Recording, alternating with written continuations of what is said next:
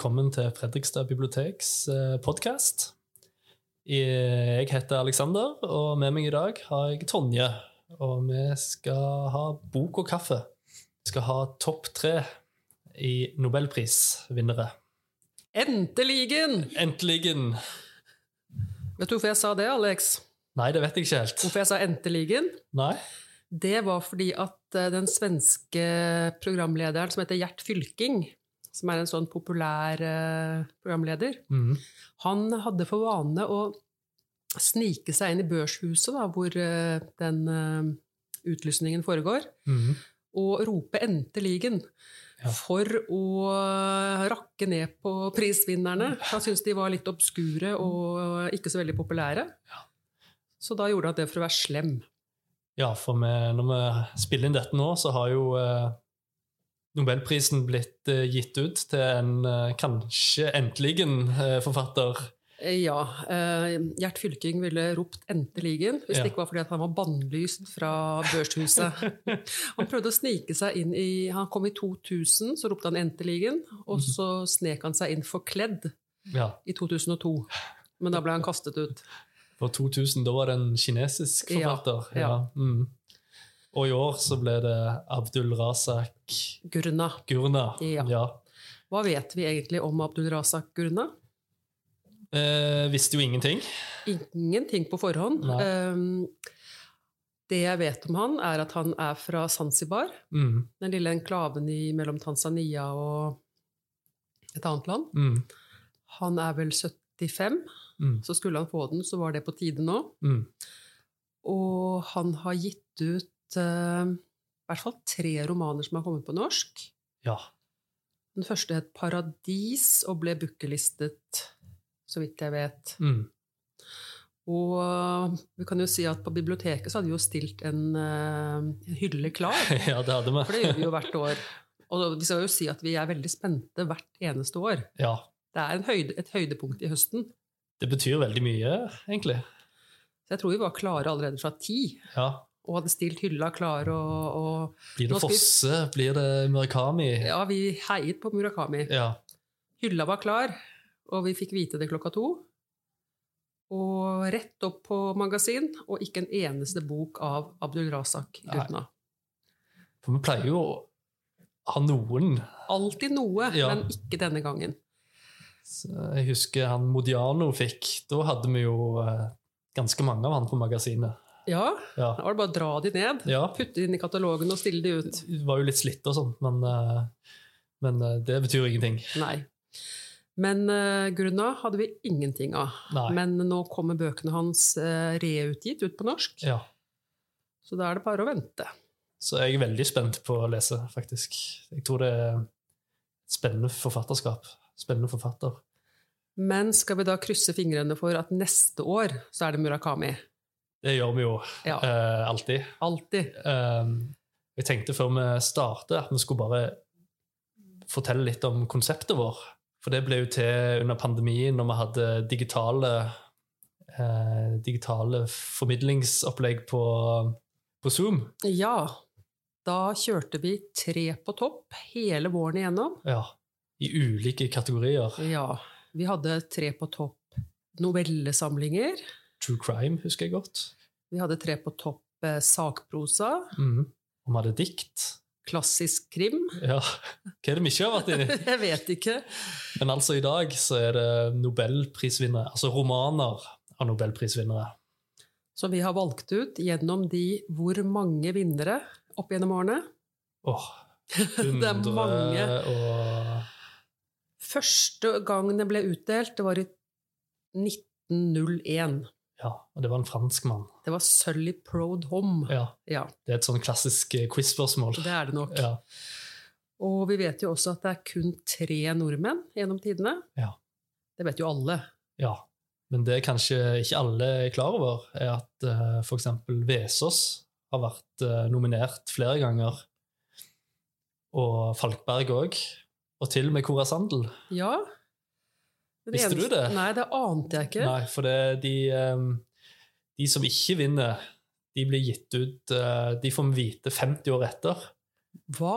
Ja, Så utgir de eh, de som var Tuller du? på lista. Altså de Jo, som- men da er de jo døde. Ja, ja, ikke sant? Men vi får vite det. Og det er jo interessant at uh, Vesaas var eh, nominert, eller i liksom i sjiktet, da, mange år.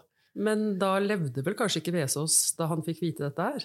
Kan jo være han fikk vite det. Åh, Tarjei, han var en kjekk kar. Ja, Ja. da skal vi Vent litt, Alex. Jeg Ja. vil gjerne fortelle om, eh, om hva du får når du får Nobelprisen. Ja, det er gøy. Du får ca. 10 000 Nei, 10 000 10 millioner svenske kroner. Ja. Så dette her er mye penger, mye prestisje. Og du får et diplom, Mm. et vakkert diplom. Det er en ny kunstner hvert år som eh, lager det. Mm.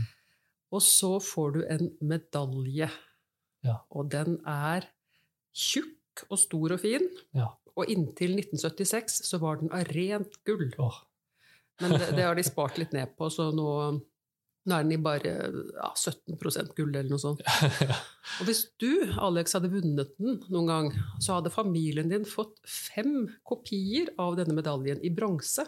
Yes. Da kunne du gitt ut til mor og far og søster og bror og alt. Fine julegaver. Ja, fine julegaver. Ja. Pappas nobelpris. Men det har vel vært litt sånn eh, kontroverser rundt eh, noen av tildelingene.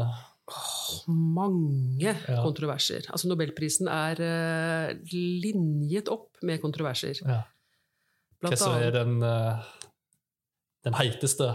heiteste kontroversen, det må jo være den nyeste. Ja. Det må jo være det at Nobelprisen ikke ble delt ut i 2018. ja. Ikke sant? Hva som skjedde da? Åh, da var det oppvask i svenske akademien, Mm. fordi at der sitter det jo 18 mennesker. Mm.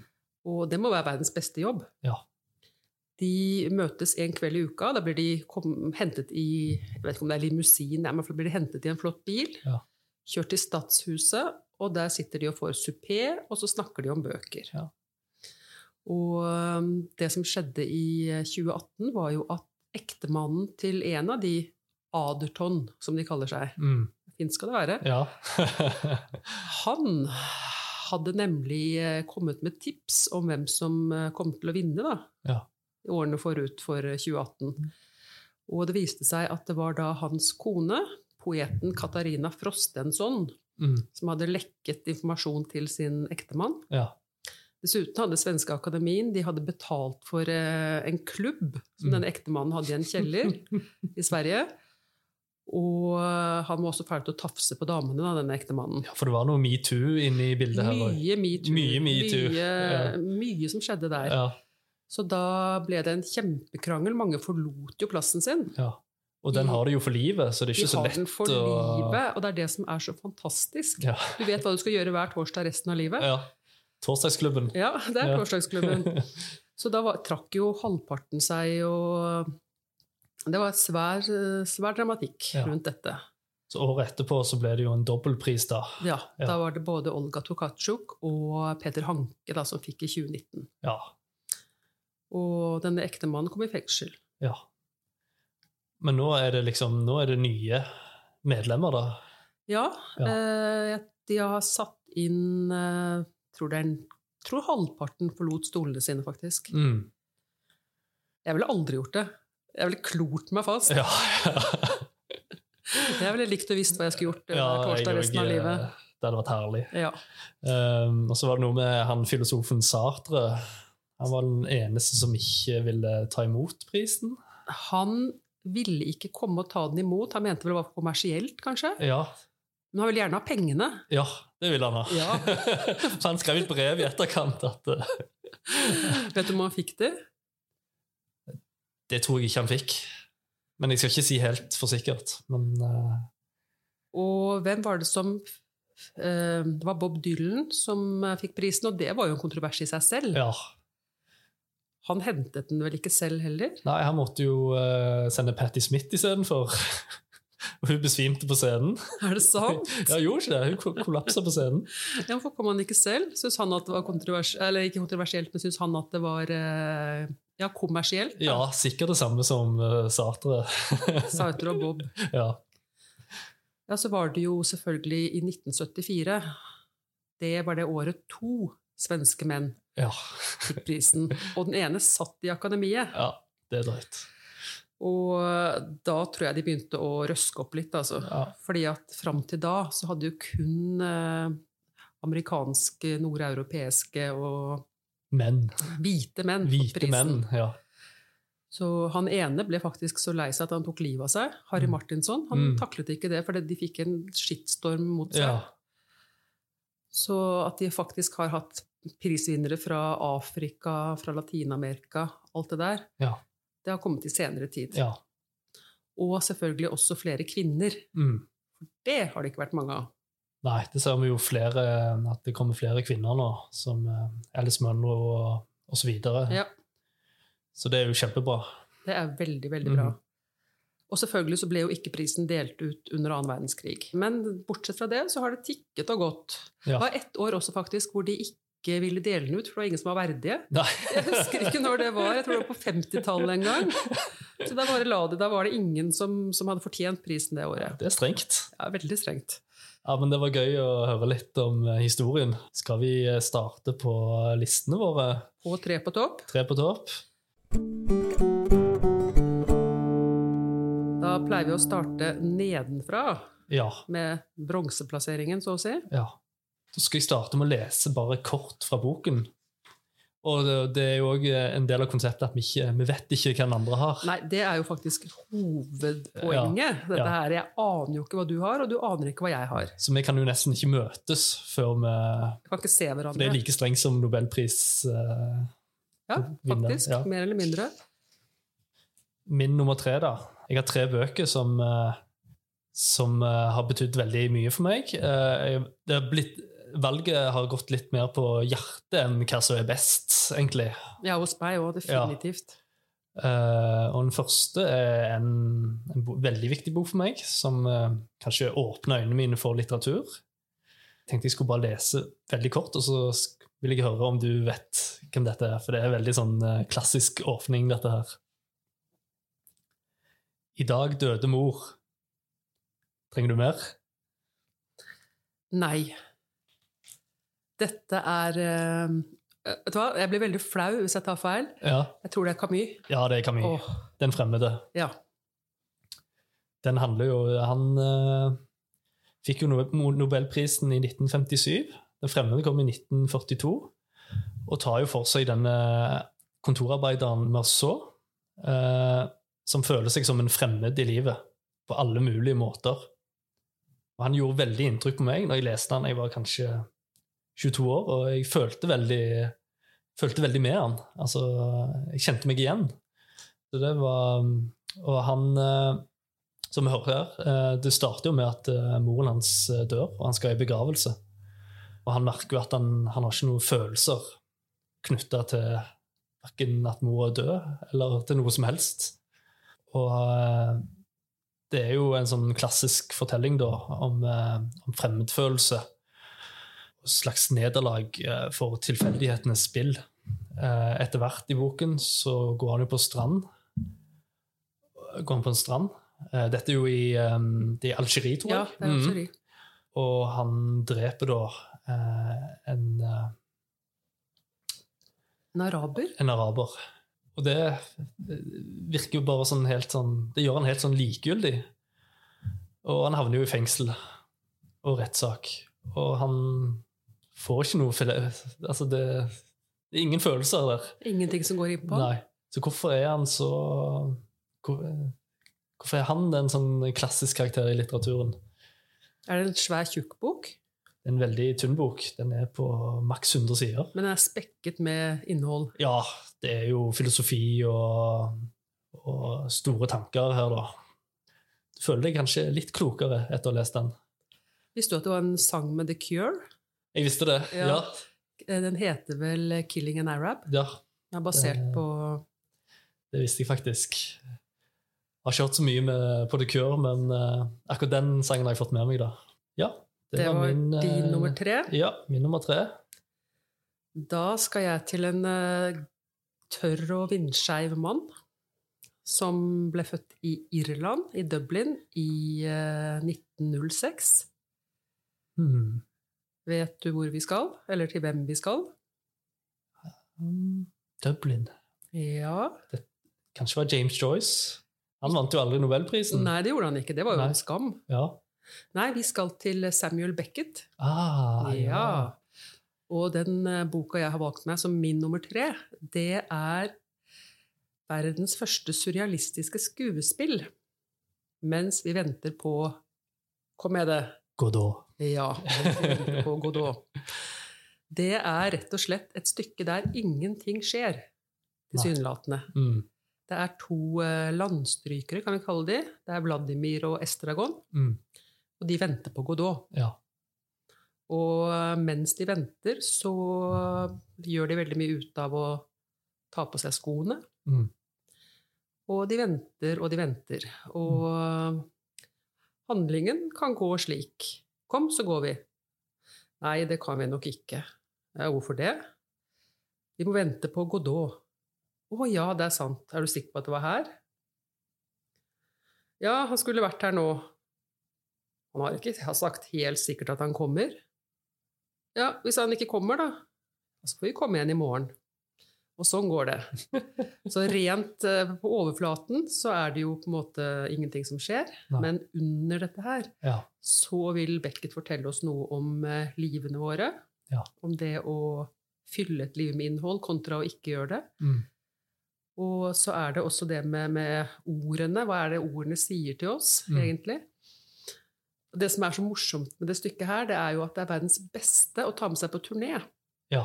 For det er nemlig bare ett bilde hele tiden. Ja. Det er de to som sitter på scenen, eller står på scenen og prater. ja. De kommer seg ikke Nei, vekk de fra kommer det. seg Nei. verken hit eller dit. Det eneste som skjer, er at det kommer en, eh, en eh, mann med en eh, slave i et tau, Ja, veldig spesielt. og så er det et tre på scenen. Så hvis man, man kan ta med dette stykket på turné, for da er det bare å ta med seg et tre, Ja. Tre skuespillere, da, eller fire, denne slaven. Ja. Så det er, eh, det er jo spilt overalt. Ja. Og jeg har sett det flere ganger, og med flere Vladimir og Estragoner. ja. Espen Skjønberg, blant annet, var en veldig flott uh, ja det kan jeg se for meg. i sin tid. Ja.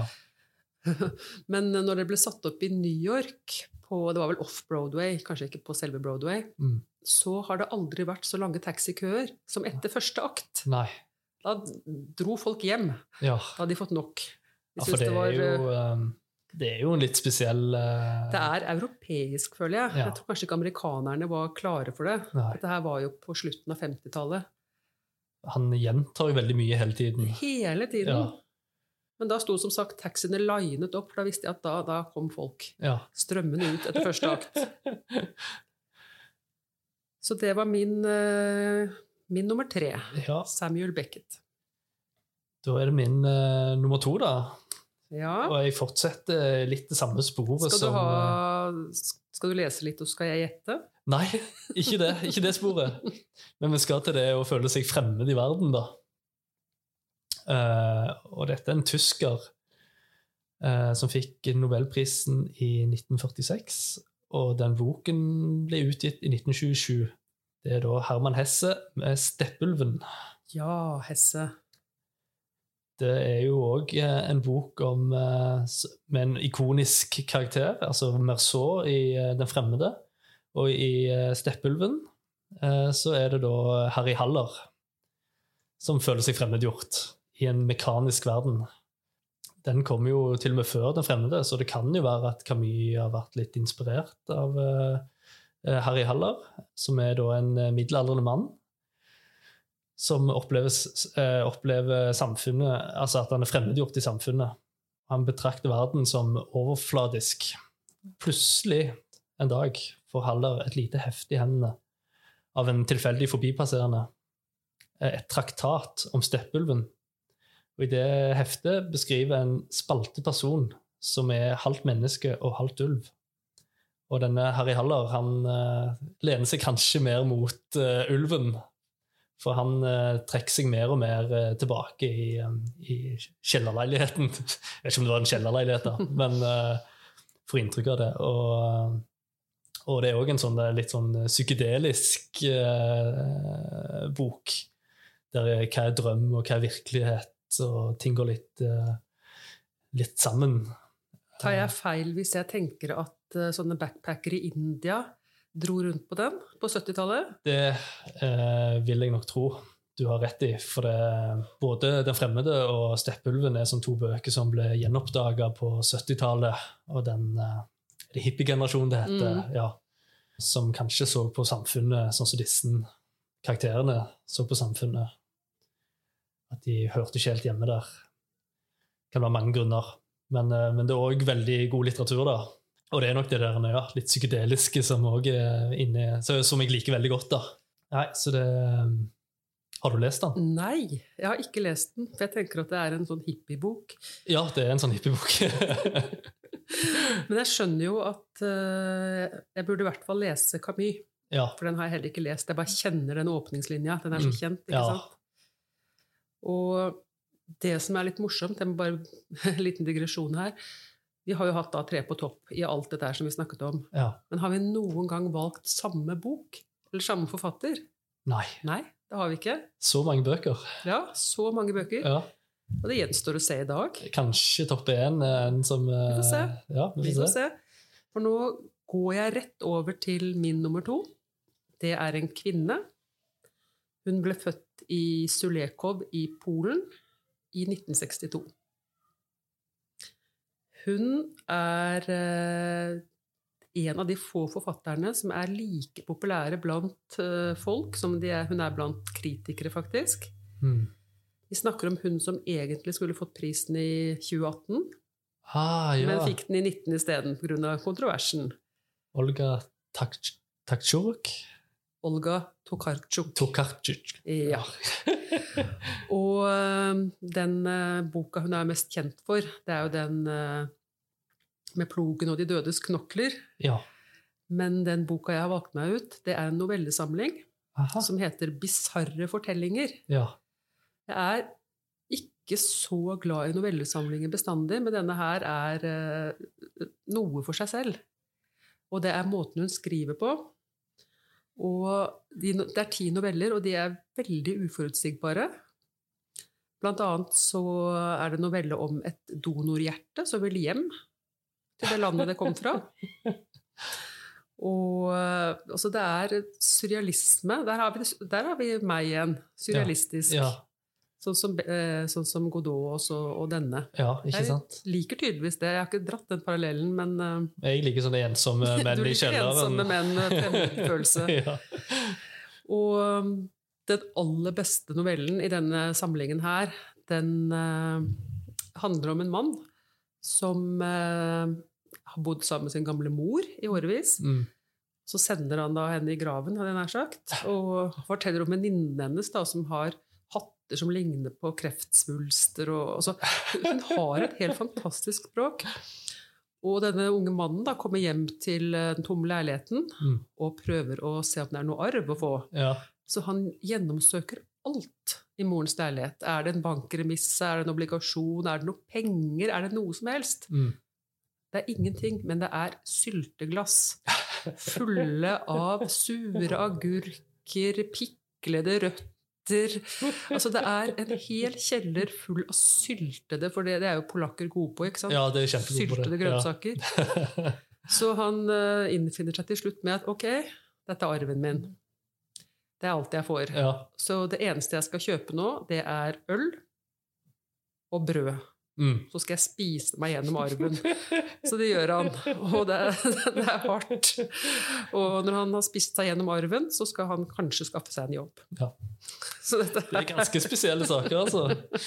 Jeg lo så fælt når jeg leste den. Det, de navnene Ja. på disse Det er sånn frøken Karatvas, eh, sylte, rød løk og sånn. Det er helt utrolig. Hvordan kom vi på det? Ja, det er det jeg også lurer på. Ja. Ja, så jeg syns hun var en veldig verdig og flott vinner. Mm. Jeg ble veldig glad da hun vant prisen.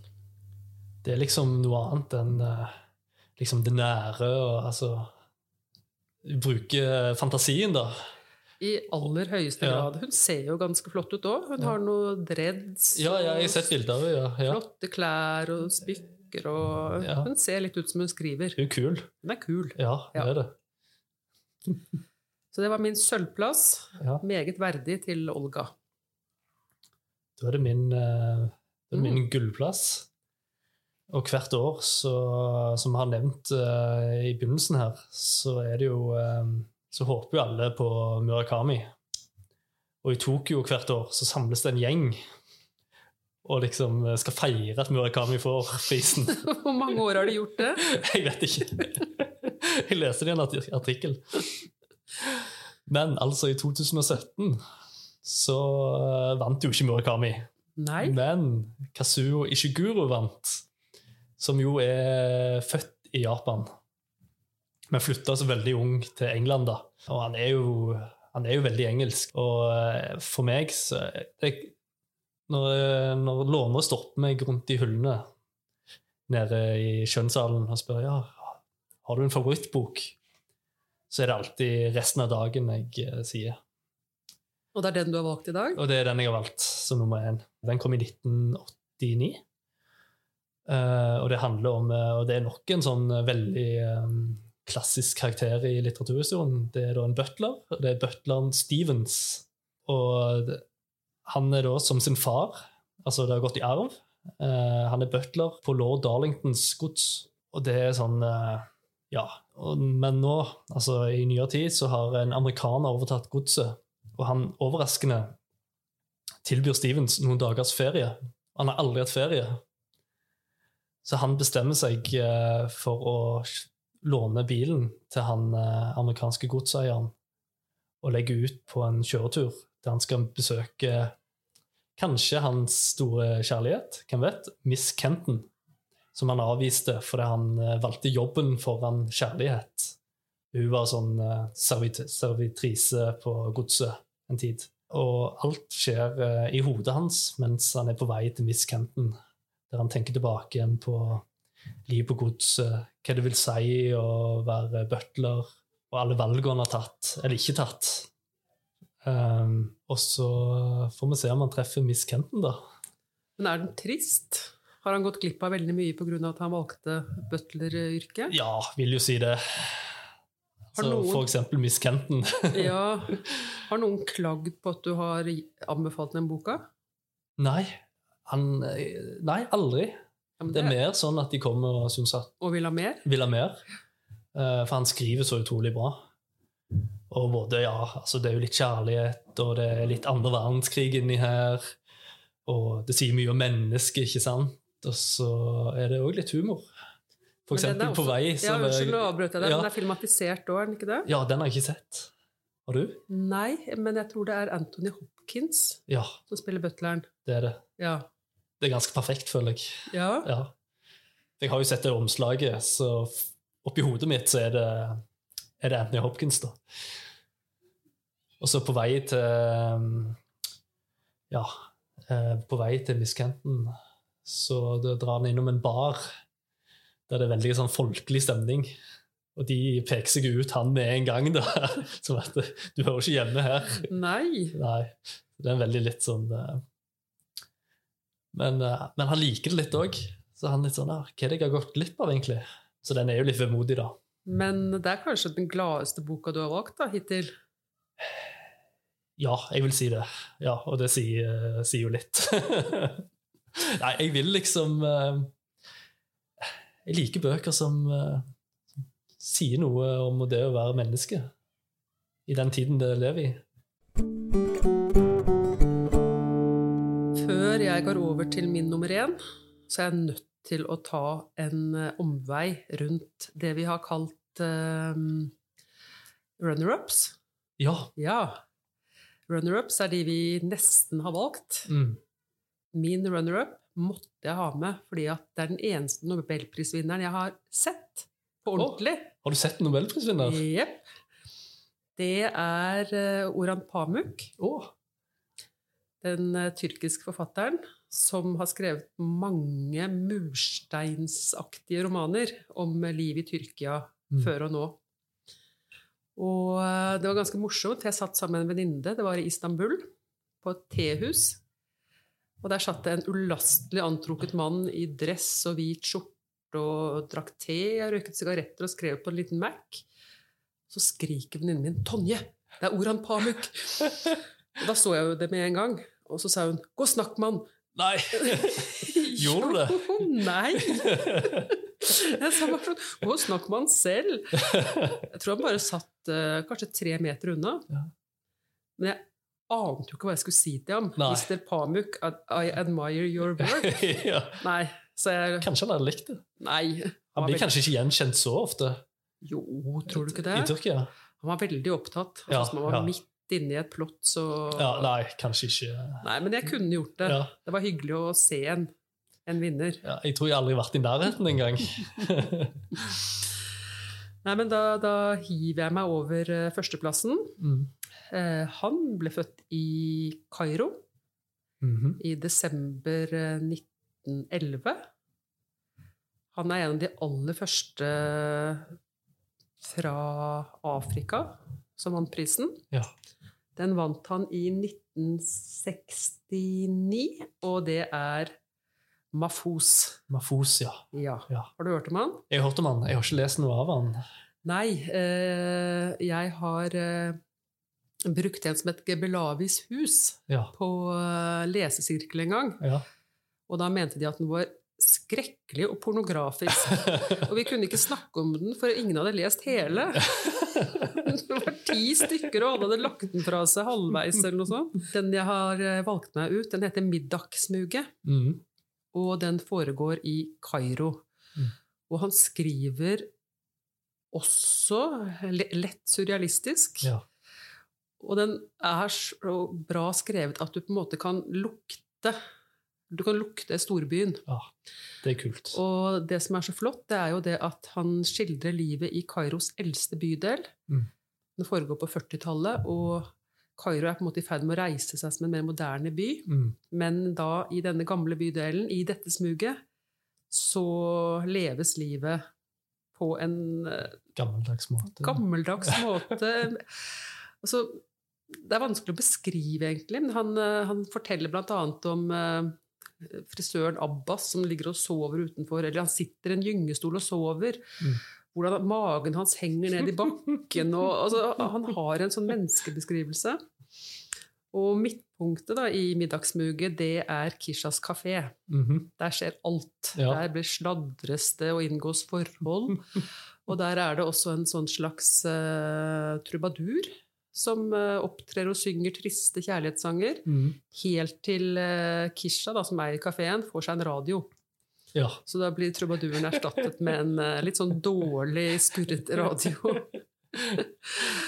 Så det er et eh, fantastisk persongalleri, blant annet doktor Hamid. Mhm. Han kan, eh, han kan gi deg veldig billige gulltenner ja. hvis du har bruk for et gebiss. Ja. Alle flokker til doktor Hamid, og de vil gjerne ha et billig gullgebiss. Ja. Det er bare ingen som vet hvor disse tennene kommer fra. Nei.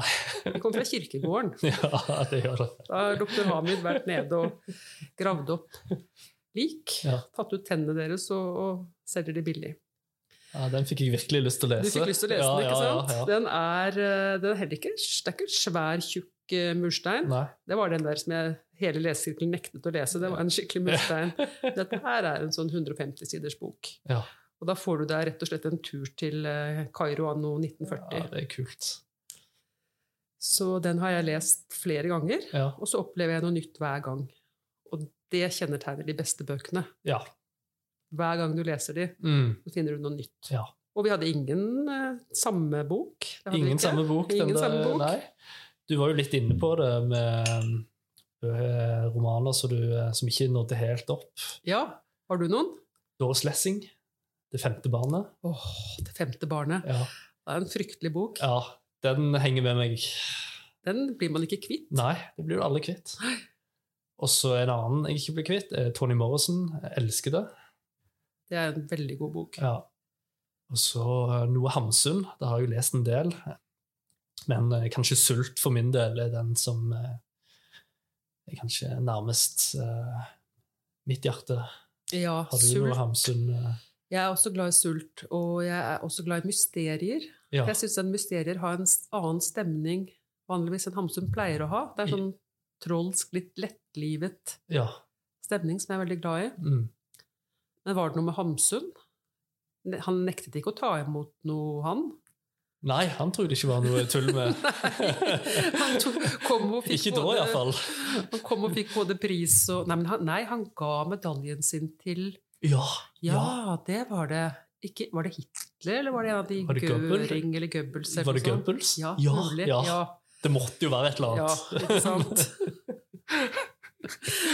Det var noe der òg. Ja. Tror jeg vi skal takke for oss. Håper dere har satt pris på eh, topp tre nobelprisvinnere fra Fredrikstads podkast.